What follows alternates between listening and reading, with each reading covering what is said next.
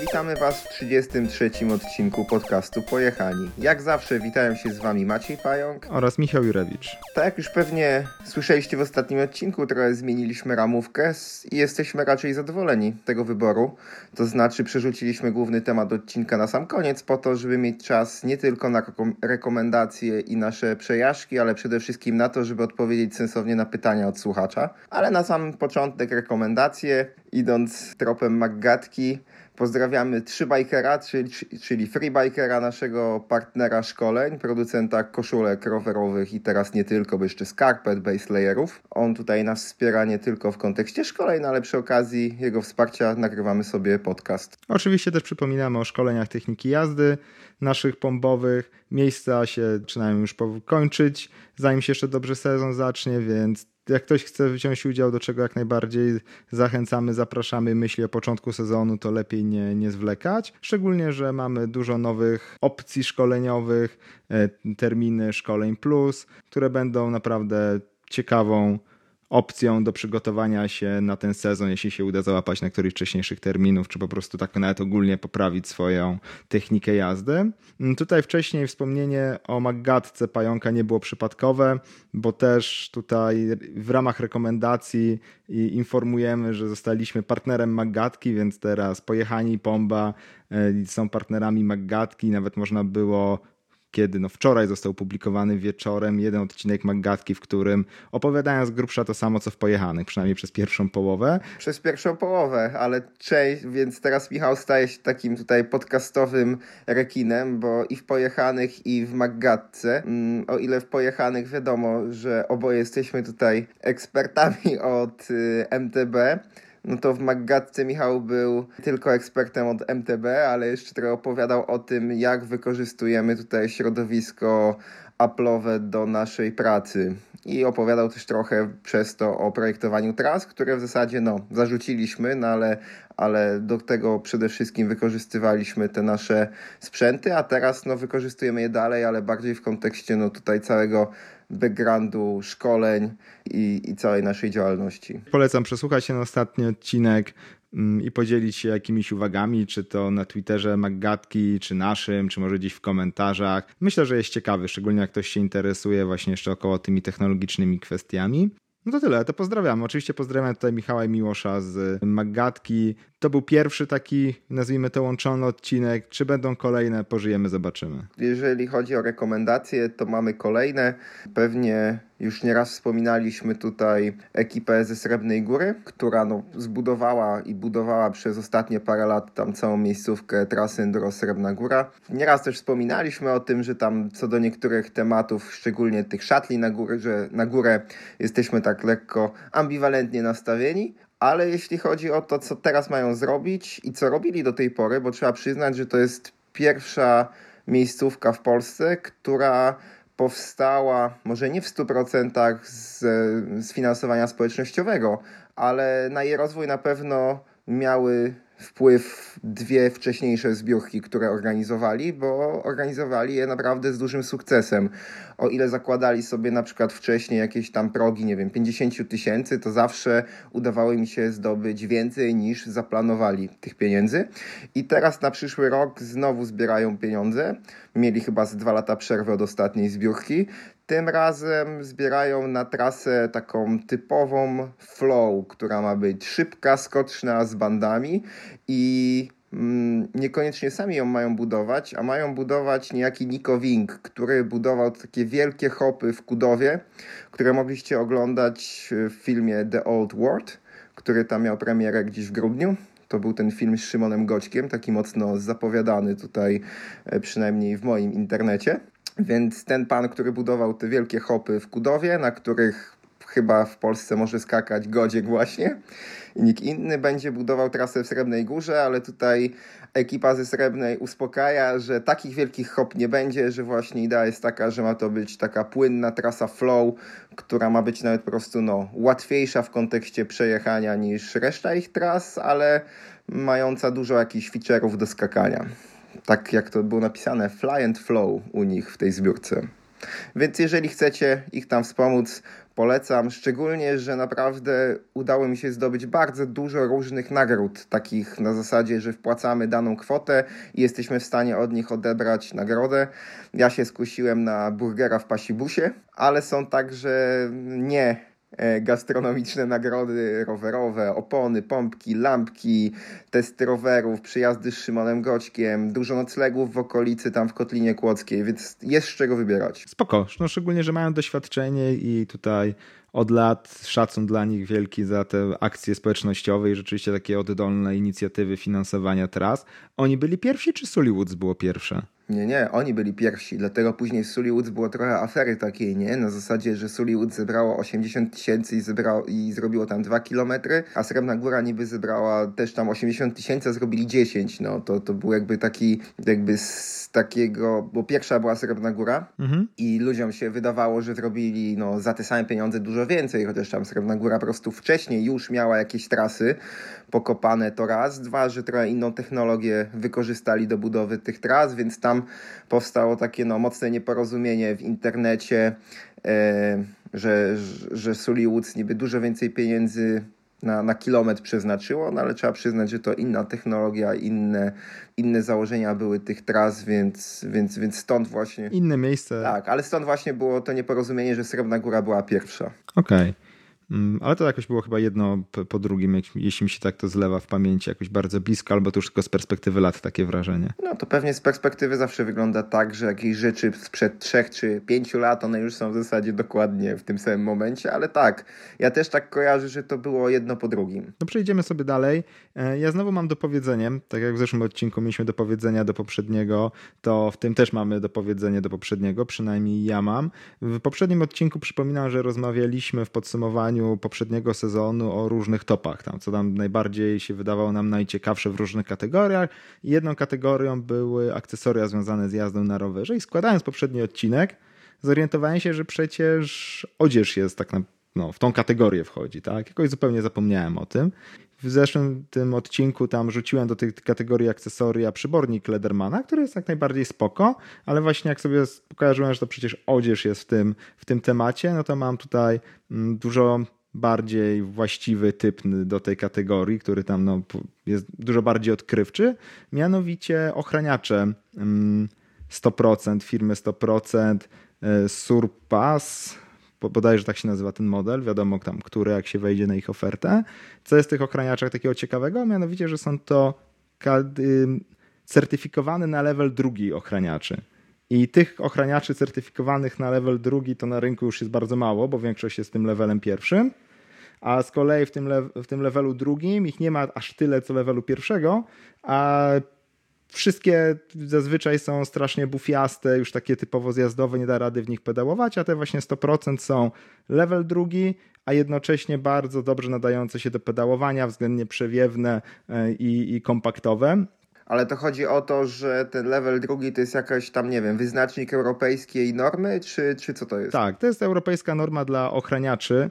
No, tak jak to w tych wszystkich normach, tak? To jest po prostu jakiś tam proces badania, ile energii jest rozpraszanej, czyli jest tam, jaki jest, jaki jest strzał z jaką siłą, ile tej siły jest przekazane na drugą stronę ochraniacza. To jest taki test i jest level pierwszy, level, level drugi, potem jeszcze parę innych takich dodatkowych feature'ów, oznaczeń, czy na mrozie mogą być, czy nie mogą i tak, czy były testowane, bo to nawet nie jest, czy mogą, czy nie mogą, tylko czy były testowane na przykład na mrozie, w jakichś innych temperaturach i tak dalej. Te podstawowe oznaczenia no to jest level 1, level 2 i w ten level 1 jest strasznie pojemny.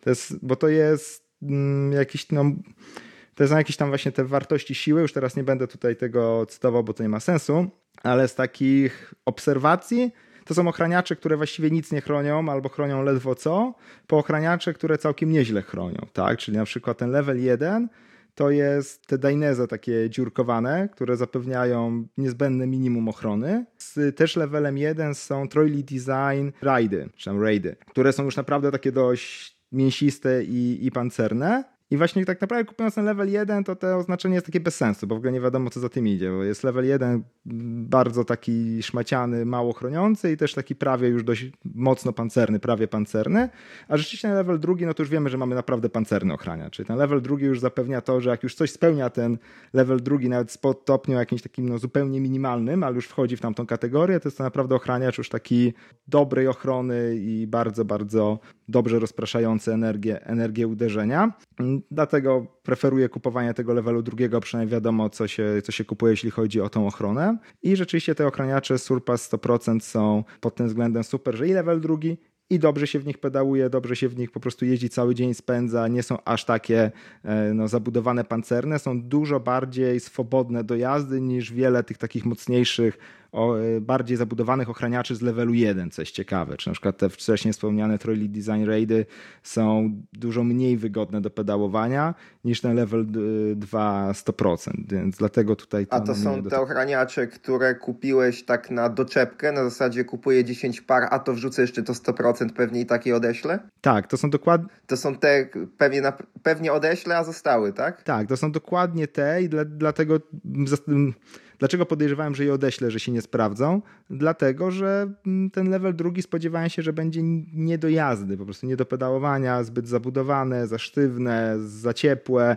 a nic, nic z tych rzeczy, że przewiewność jest naprawdę, jest naprawdę spoko i komfort jazdy jest naprawdę spoko. Mm, szczególnie jak się jeszcze uwzględni, jak dobrze chronią, ale nawet, nawet już pomijając to, że to jest level drugi, oceniając tak normalnie do średniej klasy levelu 1, jakiś litów, trojli design i tak dalej, to i tak są dużo bardziej przewiewne. Czyli jak ktoś na przykład kojarzy te ochraniacze, które ja wcześniej używałem, trojli, ty też zresztą używałeś, trojli design te 5450 i 5400, ja używałem tej krótkiej wersji 00, no to te, one były ze starej epoki, jeszcze kiedy ten certyfikat nie, nie istniał, więc nie, nie, nie mają oceny, czy to jest level 1, czy level 2. W każdym bądź razie przewiewność tamtych lekkich ochraniaczy starych trojli design jest mniej więcej właśnie taka jak tych 100%. Te 100% jak się jedzie tak trochę szybciej, to rzeczywiście trochę tego powietrza przewiewa, więc nawet można powiedzieć, że są trochę bardziej przewiewne, a jednak dające dużo lepszą ochronę. To dobrze wiedzieć, ale to w moim ocenie przewiewność w takim razie jest i tak za mała, jeżeli są gdzieś na poziomie czy w okolicach tych, tych trojów starych. No więc, ale rzeczywiście ostatnio tutaj ja mogłem sprawdzić, no bo zima trochę więcej jakiś wywrotek, że te Dainese, ten, ten nowszy model niż ty używałeś, który i tak ciut lepiej chroni, no to, to na lekką wywrotkę się nadaje, no. Czyli na takie właśnie tutaj się wywalić gdzieś tylko, żeby się no, nie, nie rozwalić o ramę czy oprzeć o, o kamienie jest ok, ale rzeczywiście przy dużo mocniejszym jakimś uderzeniu, gdyby to był sensowny dzwon, a nie taki, że się gdzieś tam rowek położył, to, to, to nie byłoby przyjemnie w tych, tych, tych lekkich Dainese. A kratka dziś się odbiła? Nie, ale ta kratka jest dużo lepsza niż tamta, to bez dwóch zdań, więc ona ma dużo lepszą podstawę od kolana w tych nowszych. No. I jest od wewnątrz na pewno jest jakby ciut bardziej miękka. Więc to tak jak mówię, no tak czy siak nie były to jakieś wielkie dzwony, ale w porównaniu, jak sobie dwa ochraniacze trzymam, te, te, te Dainese, to te nowsze no, są, są lepsze na pewno, jeśli chodzi o. No pamiętasz, ja się też się przymierzałem do tych nowych modeli Dainese i też je oceniłem, że ta nowa kratka jest dużo lepsza od tej starej, co nie zmienia faktu, że i takich takie odczucia ochrony w porównaniu do tych Troili Design starych moich 5400 mm, to i tak no, dużo, dużo gorsze.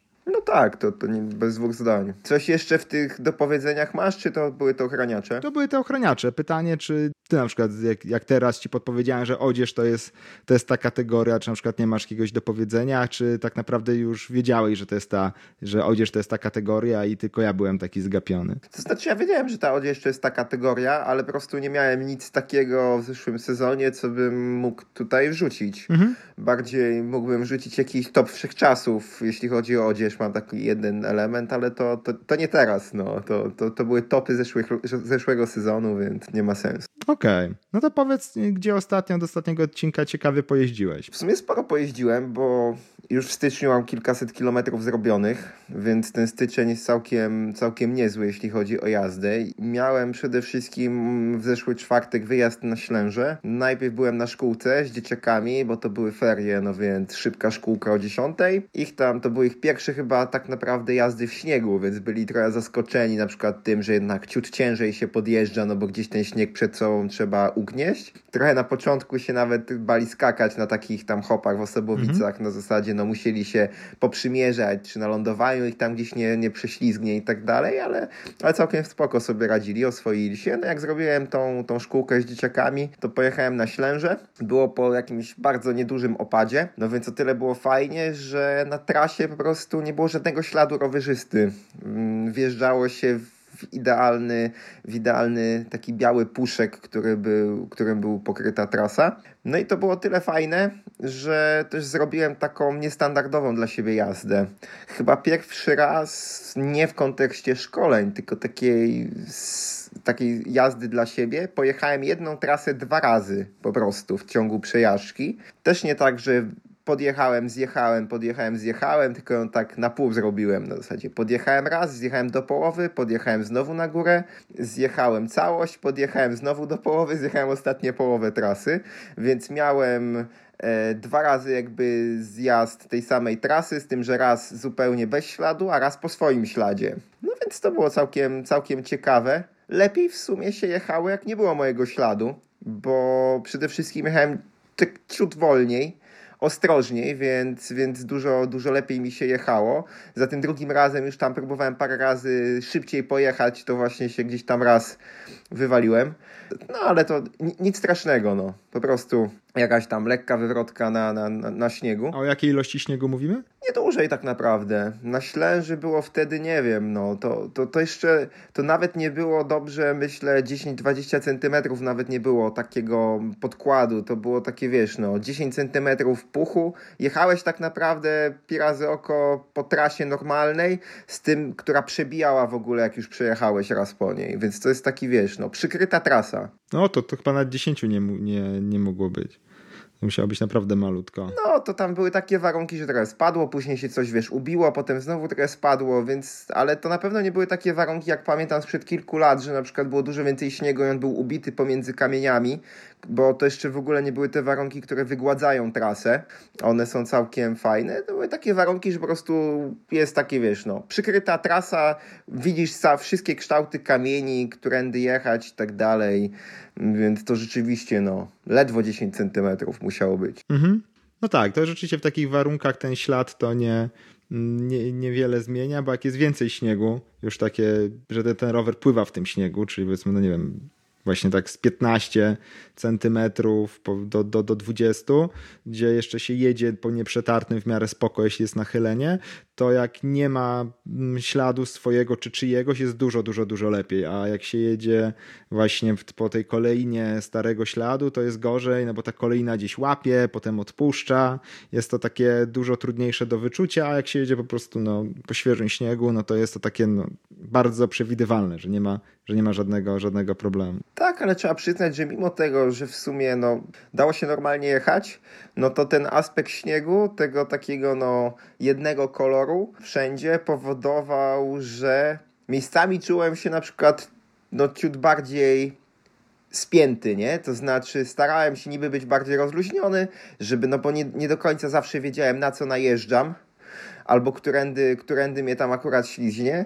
No więc, yy, więc starałem się być rozluźniony, a później w połowie i tak zjazdu poczułem, kurczę, że o, że nogi to tak niestandardowo gdzieś tam czuję, no, że, że, że jednak się mocniej spiąłem niż zawsze, więc to, to, to jest całkiem ciekawe, że jakiś tam niewielka zmiana warunków na trasie, którą i tak się no, dobrze zna, bo chyba będzie to trasa, którą najwięcej razy w zeszłym sezonie jechałem to tak czy siak no, jakieś takie są inne odczucia. A jak były to już te warunki, gdzie hamulce się wyłączają, jak, jak nie hamujesz, czy nie? E, raczej nie. To znaczy tylny hamulec rzeczywiście gdzieś mi na podjeździe w ogóle tak lekko umarł, na zasadzie, że przestał hamować, no ale to po 100 metrach zjazdu no już, już wrócił do, do, do żywych, ale na tyle sporo hamowałem na tym przejeździe, że, że one nie miały czasu się, wiesz, też później jakby gdzieś tam zalodzić, czy, czy, mhm. czy, czy ich skuteczność nie miała kiedy spaść, szczególnie w górnej części żmi. I tam w dolnej, gdzie jest bardziej flowowa, szybsza trasa to tam rzeczywiście można było, ale to też były takie warunki, że rzeczywiście na górze było trochę więcej śniegu, a na dole to już w ogóle to było tak no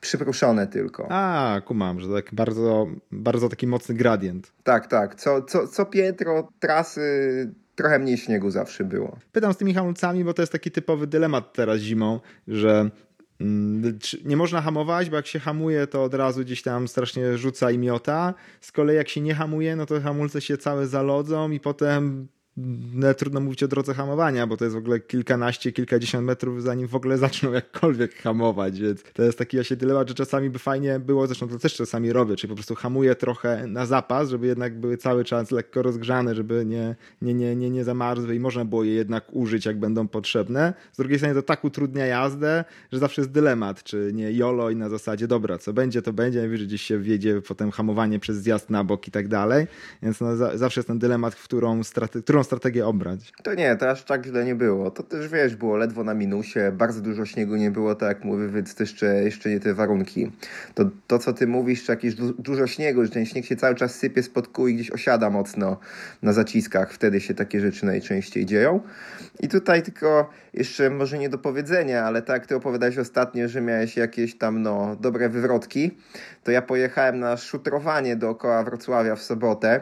Jeszcze już nie było szutrowanie, tylko jazda właśnie po dosyć fajnym, ubitym śniegu, bo wały dookoła Wrocławia całkiem nieźle przychodzone, no bo ludzi dużo, więc wszędzie w zasadzie prawie że ubite. I huknąłem sobie tam najpierw taką swoją pętlę 30 i potem mówię, dobra, to jeszcze ją przedłużę o kolejne 20. Jak przedłużyłem ją kolejne 20, wracałem, już miałem 3 km do domu. No i pod mostami są przejazdy takie zrobione specjalne, żeby po prostu nie wychodzić na drogę, tylko pod mostem sobie przejść, przespacerować czy, czy przejechać. I kurczę, gdzieś był wszędzie była idealna przyczepność na śniegu. Tam śniegu nie było, bo pod mostem, ale chyba coś kapało z mostu i zamarzło.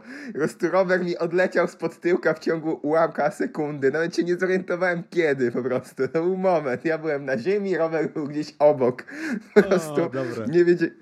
No, nic mi się nie stało, wszystko spoko, ale po prostu no, byłem nawet trochę zły na siebie, że w sumie coś tam widziałem na tej ziemi, ale już byłem dosyć zmęczony, bo to było po 45-6 kilometrach. Trochę przesadziłem z tą pętlą kolejną, trzeba było jej jednak nie robić, tych kolejnych 20 i po prostu mi tam ten rower tak pięknie odskoczył, po prostu znalazł się nagle obok. Po prostu nie wiedziałem nawet kiedy i co się stało. No, no. to jest niezłe wrażenie, jak się złapie taką połać lodu tak zupełnie się nie spodziewając, bo nawet nie wiadomo kiedy się to wydarzy, potrafi wydarzyć. Ciach i, i jest się już na ziemi. Mm, to moja ciekawa przejażdżka jest bardzo podobna, bo też nawiązująca do jazdy śnieżnej Tutaj niestety nie mogę powiedzieć, że mam dużo pojeżdżone w, w, styczniu, jak do tej pory, ponieważ warunki w Świeradowie mamy takie bardziej zimowe. To jest śmieszne, nie, ma, nie jest wcale zimne, jest po prostu trochę poniżej, trochę poniżej zera, i, ale jedynie się tak niefortunnie złożyło, że opady przyszły w momencie, kiedy było poniżej zera, więc tego śniegu nam tutaj na, na, nawaliło całe mnóstwo.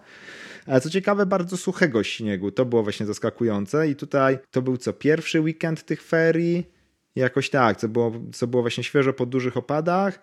Mnóstwo ludzi było tutaj przyjezdnych na ferie i sobie tam chodzili, jeździli na nartach, na sankach, na, na, na wszystkim, co się da, więc tak naprawdę wszelakie szutry, szlaki były świetnie przetarte do jazdy pod górę, czy nawet dół, tylko w dół było nudno, więc e, wybrałem sobie wariant taki nieprzechodzony, albo ledwo co przechodzony, żeby jechać w dół i na tym wariancie nieprzechodzonym to była góra trasy po kablu.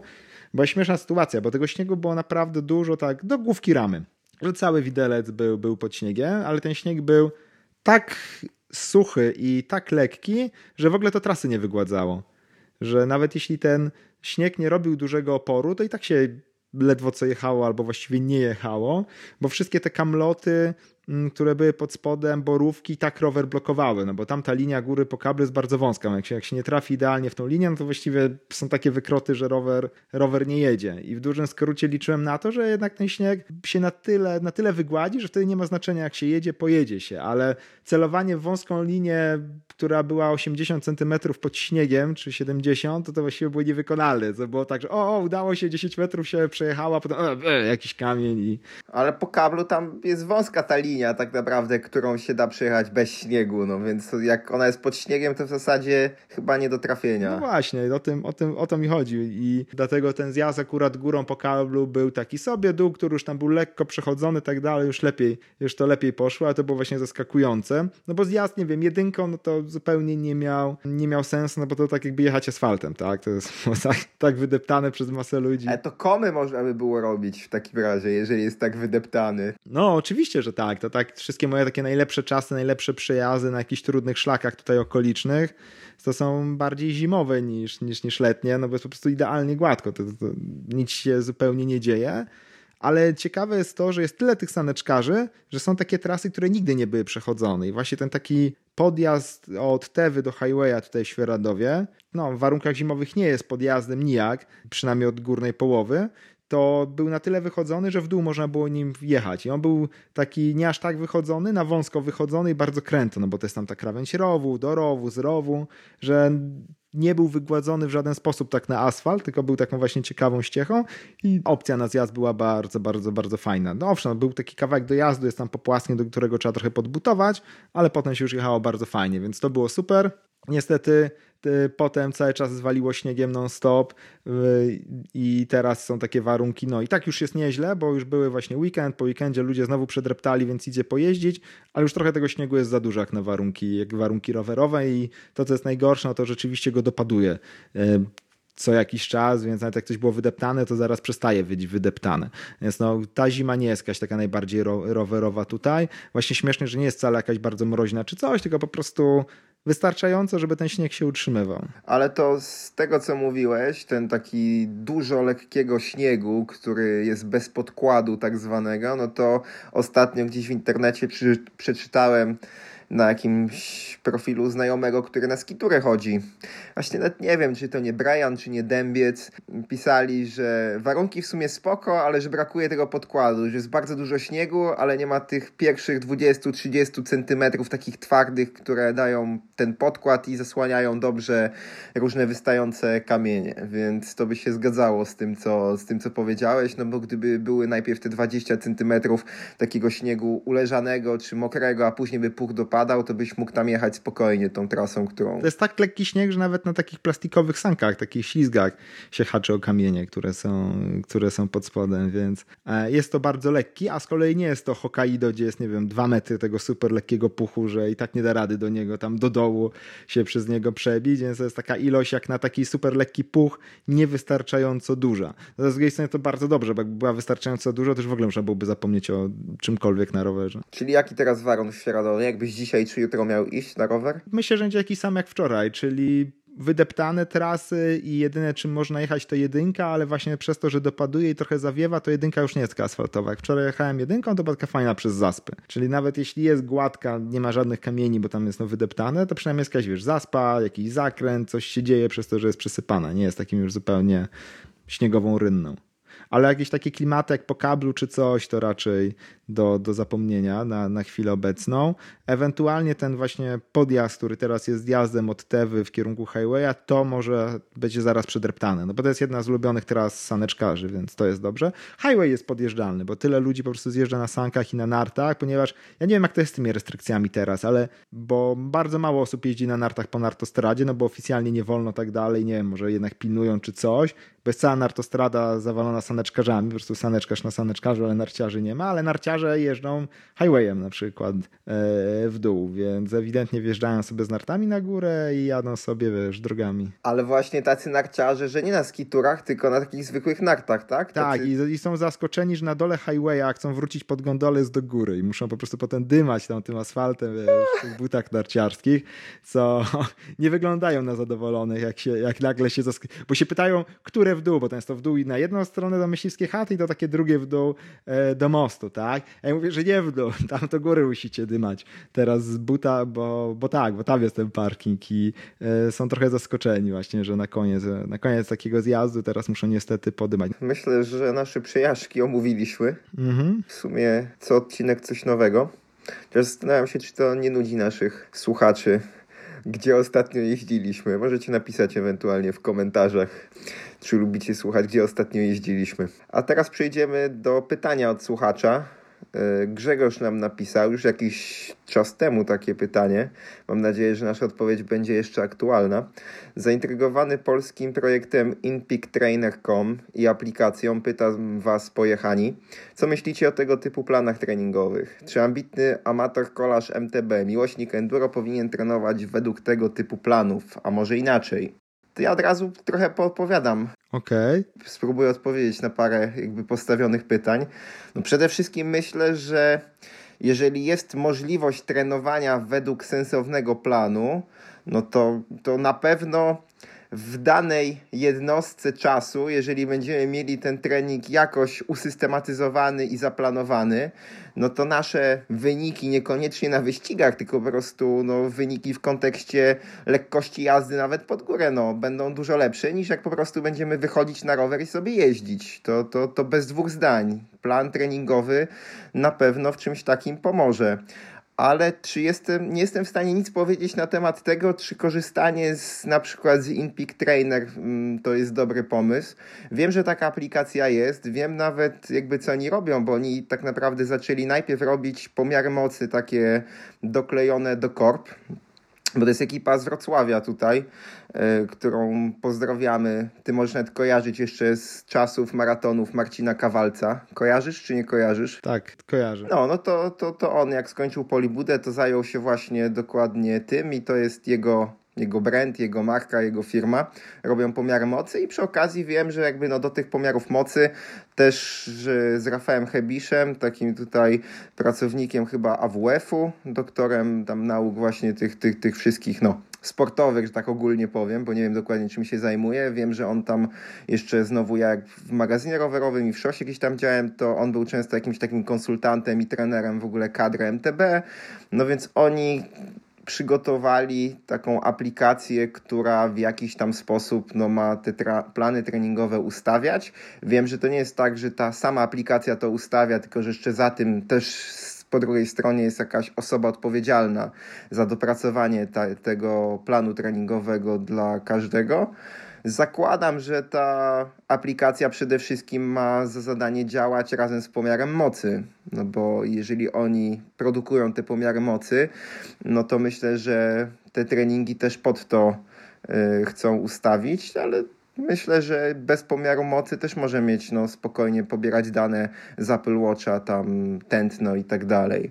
Więc y, nie mam zielonego pojęcia, jak ta aplikacja działa, czy jest dobra, czy nie, ale myślę, że warto spróbować. No. Droga z tego co wiem to nie jest, a znowu jacyś znajomi, którzy korzystają chociażby z Garmina i tam jest zawsze taka możliwość e, ustawienia sobie planów treningowych, gdzie ten Garmin później jakimiś algorytmami na bieżąco dostosowuje plan treningowy i obciążenie do tak zwanego body battery, czyli właśnie do tego E, jak się czujemy według naszego zegarka, czyli myślę, że tam jest HRV, w najnowszych Garminach też są te sprawdzanie, sprawdzenie natlenienia krwi, no to on dostosowuje na bieżąco te, te plany treningowe. I tutaj kolega Fredryk bardzo sobie chwalił te plany, czy to rowerowe, czy to jakieś biegowe, on był bardzo z nich zadowolony. Dobra, najważniejsze pytanie, czy ty korzystasz z jakiegoś planu treningowego? Ja nie korzystam, ale szczerze mówiąc się nad tym od ostatnimi czasy zastanawiam, Szczerze mówiąc, dlatego, że jeżdżę ostatnio sporo, ale właśnie tak jeżdżę sobie, żeby jeździć.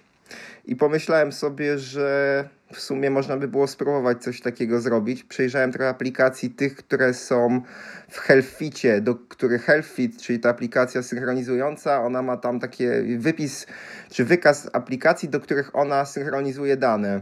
I sobie przejrzałem te aplikacje, które są tam w tym w Healthfitie, do, do czego ona tam wysyła ale nie na tyle głęboko, żeby na coś się zdecydować. No. Zwróciło moją uwagę Tupik, taka aplikacja, bo ona przynajmniej w jakichś tam założeniach, bo trzeba sobie zawsze podstawić jakiś cel ty, tego planu treningowego. I większość aplikacji ma po prostu cel typu wyścig, mhm. No i ile masz do wyścigu? No, a mnie w zasadzie nie interesuje żaden wyścig.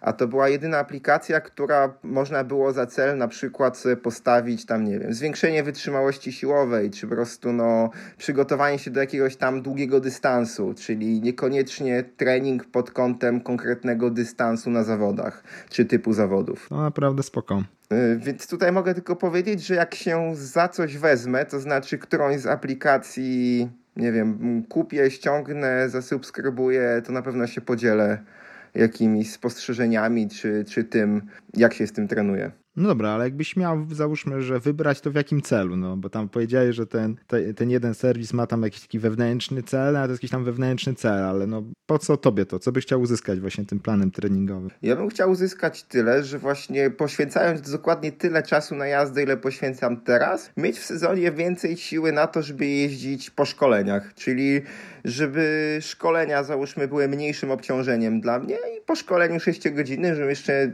nie musiał się w cudzysłowie tam zmuszać, no bo raz się zmuszam, a raz z chęcią jadę, ale chodzi o to, żebym był świeży po szkoleniach, jeżeli rozumiesz, o co mi chodzi. Kumam, czyli jednak widzisz tutaj jakiś no, element, który chciałbyś poprawić swojej, swojej wydolności, na takiej zasadzie, że y, warto byłoby no tutaj kosztem jakiegoś takiego pilnowania siebie i jazdy niekoniecznie zawsze dla fanu, tak? No bo tutaj zawsze jest to, że jak będziesz jeździł dokładnie tyle samo z planem, co bez planu, i no to będziesz mniej jeździł dla fanu, a więcej pod plan. Owszem, czasami będzie to jedno z drugim korelować, a czasami jednak, jednak nie, tak? Bo plan powie, że trzeba pojechać w jakiś taki określony sposób, a dla fanu byś pojechał w jakiś inny, w jakiś inny sposób, tak? Więc tutaj trzeba pamiętać, że mm, zgadzam się z tym zupełnie. Zgadzam się z tym oczywiście w pełni, że plan treningowy pozwala wykorzystać ten czas dużo no, lepiej, tak? Że po prostu w tym samym czasie więcej osiągniemy, lepiej się rozwiniemy, jeśli chodzi o naszą kondycję, bo załóżmy, że tutaj zawęźmy tą dyskusję tych właśnie planów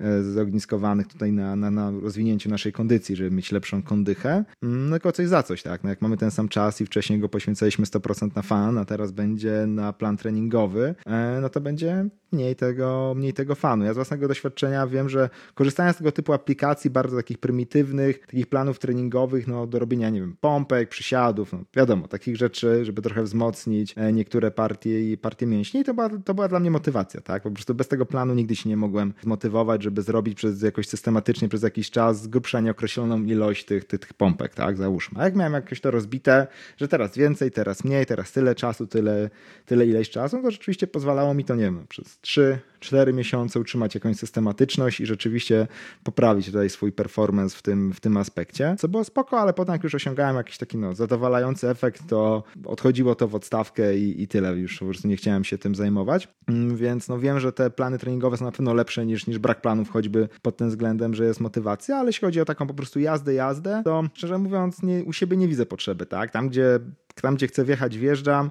E, przez samą jazdę wystarczająco no, czuję, że tej kondycji nabieram, więc, więc no, osobiście nie widzę tutaj jakby no, potrzeby właśnie inwestowania czasu i właśnie tego jazdy dla fanu, rezygnacji z jazdy dla fanu w jakimś tam jakiejś tam ilości czasu i przerzucenia tego na takie mocno zorientowane treningi. Mm, ale to kwestia właśnie komu na czym zależy. No, jak bardzo ma ograniczony, ograniczony czas, tak? Po prostu poświęcając na jazdę na rowerze tyle, ile my poświęcamy, no to bez, nawet bez planu można zrobić całkiem niezłą kondychę. Jak ktoś ma po prostu bardzo ograniczony czas, no to bez planu jest duża szansa, że nie osiągnie żadnego jakiegoś w miarę przyzwoitego poziomu. Szczególnie jak jeszcze mieszka na nizinach, a chce mieć kondycję do jazdy w górach, tak? No, to moim zdaniem takim jazdą, jazdą po prostu dla samej jazdy na nizinach nie da rady się przygotować do wyjazdu w górę. Tu się zgadzam, ale tu sobie jeszcze jedną rzecz, którą odkryłem w kontekście tego, dlaczego bym mógł mieć jakiś plan, to jest to, że jak wychodzę nawet dla fanu, ale tutaj powiedzieć dookoła Wrocławia, czyli na to moje szutrowanie czasem, no bo jadę po to, żeby nie siedzieć w domu i żeby trochę przewietrzyć się, a nie chce mi się na przykład jechać na Ślęże, no bo to tyle, ile poświęcam na dojazd na Ślęże tam i z powrotem, to właśnie już wyjdę z domu i wrócę do domu z tego roweru szutrowego, to często mam właśnie taki problem, że jak już zrobię tą swoją taką pętlę 30-kilometrową po płaskim, to w zasadzie już mi się nudzi. No. Podcast przysłuchany albo jakaś ta muzyka przysłuchana, można wracać i zakładam, że po pierwsze jakbym jakikolwiek plan na takie szutrowe jazdy, gdzie tam by mogły być jakieś interwały czy cokolwiek takiego, to by się mniej nudziło, no bo najpierw bym miał załóżmy, nie wiem, tam 8 km rozgrzewki czy ileś, takie te 20 minut, pół godziny trzeba było się przejechać, potem bym mógł sobie porobić jakieś tam zaplanowane elementy, pojechać z jakimś tam zaplanowanym obciążeniem. Popatrzeć na cyferki w międzyczasie. Dokładnie, patrzeć na tętno, na jakieś tam prędkości, na inne dziwne rzeczy. No i okazałoby się, że już jestem znowu tutaj blisko domu, a trzeba by było jeszcze zrobić tak zwany jakiś tam rozjazd, czyli chwilę tą nogę znowu przewietrzyć, żeby, żeby nie zaraz po robieniu ostatniego, nie wiem, interwału nie wsiąść z roweru.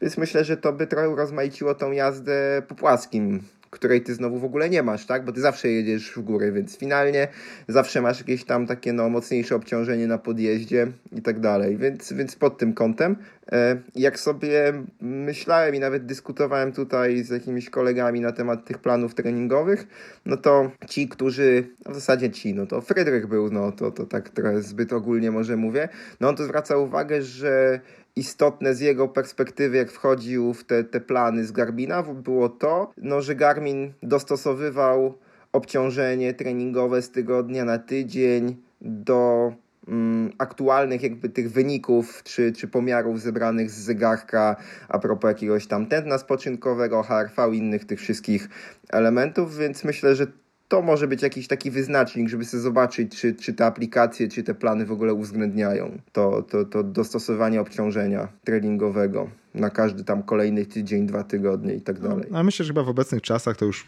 pewnie jest standard. Trudno byłoby znaleźć coś, co tego nie uwzględnia, tak? bo to jest dobra dobry feature, za który można dobrze zahajsować. Przede wszystkim trzeba płacić non-stop za dany plan, a nie tylko raz kupić i potem wykorzystać, więc to podejrzewam, że to jest stały, mm, stały punkt programu. Chociaż tutaj ostatnia rozmowa z Darkiem Porosiem, który no, trenuje tam tutaj Mitutojo w Ratlisławia AZS, no i też trenuje jakichś tam zawodników takich no, amatorów starszych, no to on stwierdził, że zakłada i z tego co oglądał te aplikacje, jak planują treningi, że one zawsze w jakimś takiej no, dolnej granicy bezpieczeństwa, jeśli chodzi o obciążenie, nakładają, no żeby nie było sytuacji, w której ten y, trenująca osoba osoba gdzieś tam wykochkuje, no, że trener zwykły w dużym skrócie jest w stanie mocniejsze obciążenie nałożyć, bo szybciej zauważy ewentualne, nie wiem, tam oznaki takiego no przemęczenia. Z drugiej strony, kurczę, wydaje się, że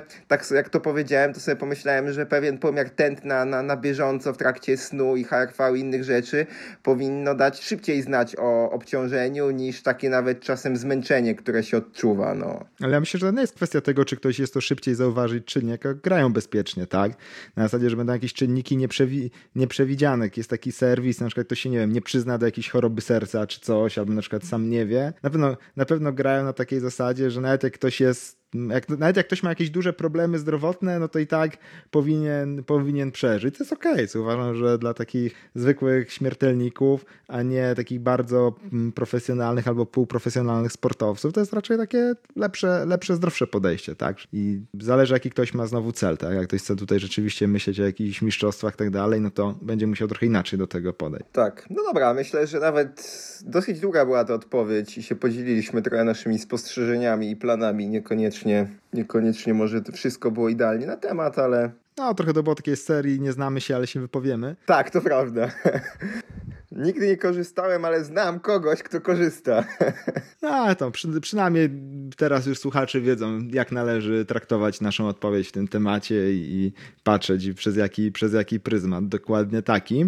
To teraz przejdźmy do naszego tematu odcinka, który znowu ja zaproponowałem, bo zakończyliśmy ostatnio tak zwane USP e, Bike Yoke Revive'ów, bo jesteśmy, tak dla osób, które nie są zorientowane, jesteśmy centrum serwisowym e, części Bike Yoke.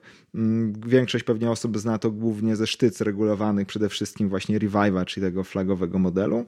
I dla posiadaczy Revive'ów była teraz bardzo ciekawa akcja do końca roku. Polegająca na tym, że można było dokonać upgrade'u starego modelu na nowy model. Owszem, w przypadku tego Bikeoka jest to trochę bardziej skomplikowane, bo to nie można powiedzieć, że wiem, model 2019 na 2020, no ale tak najogólniej starsze na nowsze. Tam było parę zmian, inna, inna górna rura tej sztycy, śruby, e, jakieś tam dwie części w środku, no po prostu lekki, e, lekki, lekki update mm, w cenie serwisu, że części które dostawało się od Bajkioke za friko były no, za friko, płaciło się tylko i wyłącznie za serwis, robociznę plus jakieś ewentualne części, no takie, które się zużywają, a sam ten upgrade właśnie, części do tego upgrade'u e, były tutaj zapewnione przez producenta.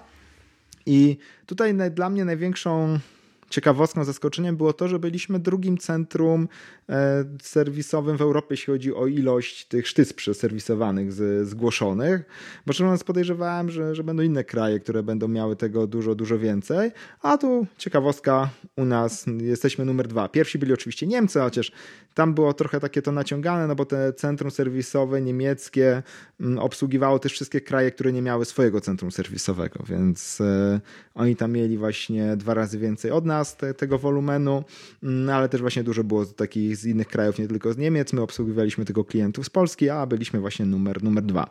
Mm, tak nawet się zastanawiałem. Ciekawe, czy to polega na tym, że rzeczywiście te revive'y są bardzo popularne w Polsce, e, czy może po prostu e, tutaj klienci polscy byli bardziej skłonni do tego programu. Jak myślisz? Ciężko powiedzieć, bo nie znam zupełnie klientów z innych krajów. Mm, można tylko i wyłącznie jakoś tam sobie próbować to przemyśleć, jakby, jakby to mogło wyglądać w innych krajach, ale u nas ci klienci są nawet często przyzwyczajeni do tego, że serwisy, sztyc, amortyzacji się robi, tak? To znaczy, nawet jak od nas kupują ludzie te sztyce, to ja często odpowiadam na pytanie, że jak z serwisem, no to wtedy mówię, no, serwis 100 godzin, czyli zdjęcie dolnej rury można zrobić we własnym zakresie, jak się już tam pojawiają jakieś ten brud na, na górnej rurze. Ale uwaga, Bajkioke w ogóle nie zaleca serwisu kadrydża olejowego, jeżeli wszystko działa dobrze. Jeżeli da się ją odpowietrzyć, sztyca się blokuje i tak dalej, nie ma żadnych wycieków, to Bajkioke póki to działa dobrze, to zupełnie odradza jakiekolwiek pchanie tam rąk, bo na pewno nie będzie lepiej. No więc tu ludzie są zaskoczeni, więc można po tym zakładać, że ludzie są u nas dość mocno przyzwyczajeni, że każdą tą część taką, która ma w sobie hydraulikę, uszczelki i tak dalej, trzeba raz na rok rozebrać i przeserwisować, więc ale czy to jest jakoś, nie wiem, czy u nas to jest bardziej niż w innych krajach, to ciężko mi jakkolwiek ocenić. Mogę tylko powiedzieć, że wydaje się, że u nas ludzie są przyzwyczajeni do tego, żeby robić serwisy. No jeśli chodzi o ilość sprzedaży, to zawsze zakładałem, że Bike Components w 3 dni sprzedaje tyle, co my przez rok. Może, może się mylę. Tu jeszcze powiedziałaś że ludzie są przyzwyczajeni. To też taka jedna rzecz, oglądając te mm, tutaj zgłoszenia no i je tam robiąc, to trzeba przyznać, że jest coś takiego jak fetysz wymiany uszczelek kurzowych że, że, że było sporo takich właśnie zgłoszeń, żeby wymienić tą e, uszczelkę kurzową, która od razu powiem, że nie wiem, no te wszystkie zgłoszenia może tylko raz wymagała tak naprawdę wymiany, a reszta to była taka wymiana dla wymiany, no było zgłoszone, to, to wymieniliśmy. Mm, bardzo często nie ma sensu w ogóle wymieniać tych, tych, tych uszczelnień. Było też dużo takich zgłoszeń, że prosimy tam o zmianę uszczelnień i tak dalej, a tutaj też warto pamiętać, że producent Bike zdecydowanie odradza wymianę uszczelnień na zapas. Tak? Jeśli działa, to, to działa. Nie ruszać, nie zmieniać, rozebrać, złożyć, będzie, będzie działać dalej, e, ale właśnie ta chęć wymiany, szczególnie dlaczego tej uszczelki kurzowej, ona jest najmniej istotna w tym wszystkim. Ja myślę, że to się bierze z kilku rzeczy. Ty już tu tak mówisz, że fetysz wymiany uszczelki. Nie, no to mi się wydaje, że to wygląda tak, że po pierwsze, no, dali napisaliśmy w tym ogłoszeniu o USP, no, że akurat na przykład uszczelkę kurzową, no bo to każdy wie jak wygląda, gdzie jest, można wymienić na życzenie i kosztuje to 18 zł. Kwota niewielka, każdy wie, co to jest. Dobra, to napiszę, żeby wymienili, bo w sumie jak mogą wymienić, to niech wymieniają i tak już jest rozbierana sztyca. Myślę, że to się mogło stąd wziąć. No, gdybyśmy nie napisali może o tej uszczelce w tym ogłoszeniu, to tych zgłoszeń wymiany i próśb o wymianę myślę, że mogłoby być mniej. Mhm. Bardzo, no też, też jest to dobre podejście do tematu. Możliwe, że, że tak było. Mm, w każdym bądź razie, tu też od razu mogę powiedzieć, że wymienialiśmy jakby sami siebie tylko to, co widzieliśmy, że, że jest do wymiany. Tak? Tutaj się trzymaliśmy zaleceń producenta, że jeśli coś działało i nie miało żadnych tam śladów, że, że zaraz przestanie działać albo że już nie działa, to wtedy mm, nie, tego nie wymienialiśmy. Że wymienialiśmy tylko wtedy, kiedy było to konieczne. To też była ciekawostka, że większość tych sztyc przychodziła z opisem, że jest wszystko, wszystko super hiper, a na przykład nie, niekoniecznie było wszystko super hiper, bo na przykład w środku było coś źle poskładane i tak dalej, więc te sztyce przychodziły często nie działające idealnie, ale tutaj, jak to podczas tej, tej, akcji serwisowej, przypomniał mi się tam jakiś artykuł z takiego czasopisma amerykańskiego odnośnie projektowania silników takich spalinowych samochodowych, gdzie był właśnie artykuł, że w, że w okresie jakimś tam, już nie pamiętam jakim okresie, ale dość długim okresie użytkowania silnika, duży procent, bo 60 czy 70% awarii było spowodowane błędami użytkownika. I tu było to widać, tak, że te ewentualne awarie ze sztycami, które, które były, które tam naprawialiśmy, były spowodowane błędem użytkownika. I użytkownik to nie nie jest tylko użytkownik ten, kto, kto, kto używa, ale też jest ten, kto na przykład serwisuje, też jest użytkownikiem z takiego projektowania jak, jako inżynier jakiegoś produktu. I były jakieś takie przypadki, jak coś odwrotnie pozakładane w środku, tu coś uwalone i tak dalej, więc śmieszne było to, że większość jakichś takich problemów, które ludziom naprawialiśmy, to właśnie były spowodowane tym, z tym, tym niewłaściwym w jakimś tam stopniu użytkowaniem, ale co ciekawe, no to było widać tą taką nieśmiertelność bajkioka, że nawet z takimi błędami to większość osób tak uważała, że działają, że działają super świetnie i nie ma żadnego problemu. E, bo nawet jak chodziła na przykład trochę gorzej czy coś, czy na przykład nie wykorzystywała całego skoku, mm, to i tak w porównaniu do czegokolwiek innego, to i tak było bardzo dobrze, tak? Więc jak więc tutaj to było dość zabawne na, na swój sposób, bo takich śladów zużycia, zużycia to sztyce praktycznie nie miały. To, jest, to była dobry kontrast, jak rozbieraliśmy swoje do tego samego programu i porównując to z tym, co ludzie nas przesyłali, no to e, można powiedzieć, że nasi klienci nie zużywają tych sztyc. Owszem, jakieś ślady, ślady użycia, no były, no, były to sztyce używane, ale takiego ślady realnego zużycia, takiego naprawdę zużycia, że coś było po prostu zużyte, e, no to miały no 3-4 egzemplarze w porywach na te 60, które, które zrobiliśmy. No tam y, ze dwie kojarze takie, które niemalże wygrywały plebiscyty. Kazik z Racka, niejaki tutaj jeszcze z forum MTB, pozdrawiamy, to on tutaj wygrał plebiscyt chyba na najbardziej zużytą wśród klientów i on miał taką... Najwięcej jeździł widać było, kto jeździł. I jedna była jakaś taka tragicznie poskładana po jakimś serwisie. Po, po odwrotnie pamiętam, były pozakładane e, w ogóle ślisk dolny był na odwrót włożony. Poza tym była jak nowa. Okej, okay, ale. no, ale to jeszcze z tak logistycznego punktu widzenia, no bo finalnie musieliśmy przyjąć ponad 50 szczyt do serwisu. Podzieliliśmy sobie tutaj pracę na to, że Michał z Agnieszką po prostu no, obsługiwali te sztyce serwisowo u siebie w Świeradowie a ja zająłem się kontaktem, ściąganiem tych sztyc, wysyłaniem potem, odsyłaniem tym, tych sztyc w kontekście nie ich pakowaniem, tylko po prostu no, wypisaniem karty serwisowej, wypisaniem faktury, przesłaniem linku do płatności i tak dalej. I trzeba przyznać, że Jedno, co mnie zaskoczyło, że na te 50 ponad ściągniętych sztyc, wszyscy tak naprawdę klienci bardzo sumiennie wysyłali te sztyce, czyli tak jak pisaliśmy, że do danego terminu trzeba je wysłać, to w zasadzie cała partia przychodziła pi razy oko w tym terminie, przynajmniej tak to widziałem. Nie trzeba było za dużej ilości klientów poganiać gdzieś tam, żeby wypisali kartę tą, tą zgłoszeniową, czyli, czyli tak całkiem płynnie, przynajmniej z mojej perspektywy, to przeszło jak na taką ilość sprzętu. To jest też ciekawe, że, nie, że trzeba się pochwalić, że jak na razie jeszcze nikt nie,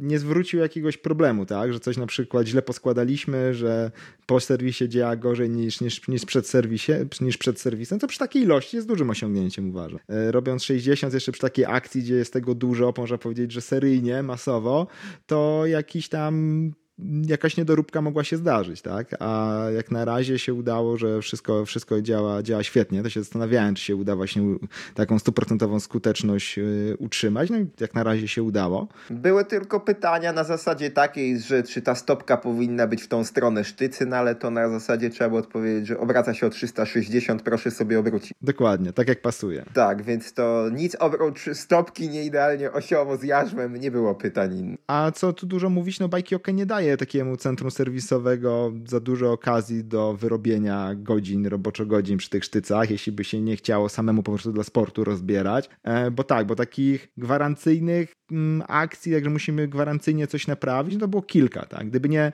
to, że Bajkioka stwierdziła w pewnym momencie, że, że ulepsza coś, co działało dobrze i im tak słabo wyszło. Była jedna partia z O-ringiem zamiast UCAP-u na hydraulicznym kartridżu i tam się pojawiały wycieki. No gdyby nie te wycieki, to chyba byśmy mieli dwie takie stricte gwarancyjne, e, gwarancyjne naprawy. No z powodu tych wycieków od dołu, no to może nie wiem, łącznie 10 było u nas na serwisie, myślę, że w porywach. Więc patrząc na to, że teraz było do przeserwisowania pod 60, no to dużo, dużo, dużo więcej niż nasze normalne e, obciążenie serwisowe. Zakładam, że z niektórymi tematami pewnie też się ludzie nie zgłosili, że załóżmy nawet jak było te, nie wiem, 8 czy 7 finalnie jakichś zgłoszeń reklamacyjnych przed USP, bo tak kojarzę po kartach serwisowych, no to myślę, że jeszcze tam pewnie z paroma się nie zgłosili, tylko sobie próbowali to załatwić u siebie w serwisie, więc no ale tak czy siak jest to, jest to naprawdę niewiele i tutaj wiem, że serwisy, które się tym zajmują, chociażby Wichu często poleca nasze sztyce, tak, że jak chcecie kupić sztyce, no to kupcie sobie bajkiokę, wiem, że oni też sami jeżdżą na tych sztycach, więc no więc z niezależnych źródeł także są informacje, że, że te sztyce są rzeczywiście no bezawaryjne i mało problemowe. No tak, to jest też liczba, której za bardzo nie możemy na antenie powiedzieć, oprócz tego, że jest liderem w branży, jeśli chodzi o odsetek właśnie e, problemów gwarancyjnych e, zgłaszanych do wyprodukowanej ilości. Tak? Tutaj ten, ten procent jest dużo, dużo, dużo poniżej średniej dla, dla branży rowerowej i tych takich zaawansowanych komponentów, tak? które się składają jednak z jakiejś ilości części, a nie jest to kierownica. No tak, a ile dziennie przerabiałeś sztyc. Może takie rzeczy będą też nawet ciekawe, bo to robiliście tak, że jakim hurtem się jakby zabieraliście za daną jakąś partię i ileś dziennie pewnie robiliście tych sztyc. Od 4 do 7. Okej. Okay. Zazwyczaj, zazwyczaj koło 5, od 4 do 7, ale to były takie standardowe dniówki, tak? To nie było tak, że na serwisie od, od rana do północy, normalnie jakby tu jeszcze jakieś inne zajęcie, jakieś wyjście na rower, więc tego serwi w serwisie chyba raz najdłużej, no to nie wiem, 7 godzin czy coś w tym stylu, tak wiesz, stricte, stricte to śrubkując, więc to taki, taki, był, taki był przerób. Więc to, to jest szybka akcja. Co było ciekawe, to jest parę takich elementów przy składaniu tych kartridża olejowego, które jak tam kiedyś się robiło, nie wiem, przez pierwsze pięć ran, teraz na tym USP jeszcze przez pierwsze pięć sztyc, nie wiem, pierwszego dnia, to zajmowały niesamowicie długo czasu. To jest osadzenie wewnętrznej rury na mm, głowicy resetu, które po prostu ona tam wchodzi do środka w tą rurę i tak trzeba gmyrać, gmyrać, gmyrać, nie widząc tego, aż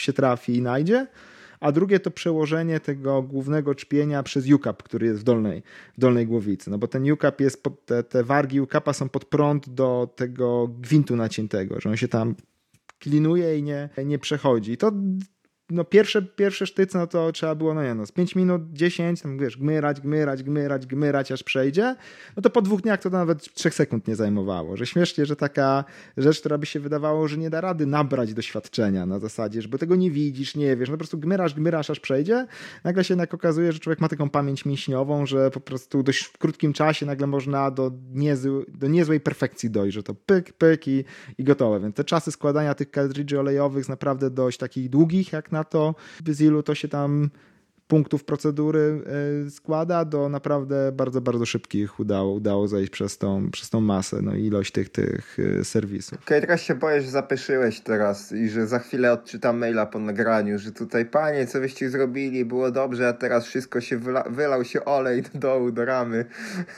Wiesz, jakby to było, jakby tam było parę takich, to uznałbym to za normalkę, no, że to zdarzają, zdarzają się przecież, to nadal, nadal dopóki to ludzie robią, to zawsze może być jakiś, jakaś tego typu sytuacja i nie ma się się co tutaj kryć, no robienie czegoś przy takich akcjach właśnie masowych to na pewno zwiększa, zwiększa ryzyko jakiejś, jakiejś takiej lekkiej nie, niedoróby. Pomimo, że tutaj bardzo się pilnowaliśmy, żeby każda sztyca była w swoim własnym pudełku, e, w swoim własnym miejscu i tak dalej, żeby się to jakoś nie, nie łączyło, ale no w pewnym momencie, jakich było tam pięć czy sześć rozebranych na raz, no to pomimo, że się uważali, bardzo na to uważaliśmy, no to i tak jakieś tam ryzyko pomylenia się, która jest w którym momencie, no istniało. No ale odpukać na razie Nikt nic nie napisał. Nie było żadnych peanów i pochwał, ale także nikt nie napisał do nas y, brzydkiego maila, co byśmy tam, czy myśmy oczadzieli przypadkiem. No więc, więc na razie wydaje się, że rzeczywiście całkiem nieźle to wyszło. Pytanie, czy chciałbyś za rok robić kolejny raz taką akcję serwisową? Szczerze mówiąc, w takim okresie sezonu gdzie jest trochę luźniej z czasem, to spoko było, nie, nie krzywdowałem sobie. Jakby to wjechało na przykład na, na, na luty albo na wrzesień, to nie ma szans, tak? To, to już byłoby za blisko, za, w sezonie to już w ogóle nie ma szans, tak? Ale e, rzeczywiście ten sezon końcówki roku, ten okres końcówki roku tutaj był pod tym względem mm, optymalny. Jakby jeszcze tutaj Bajkiokę nie dało lekko ciała z dostawami tych części, to e, by się jeszcze skondensowało na krótszy okres, no to byłoby spoko, tak? No bo rzeczywiście tutaj były zapowiedzi, że się wszystko uwinie do końca roku, a się nie udało, bo tam no, część części przychodziła dopiero e, właściwie w now, dopiero w nowym roku,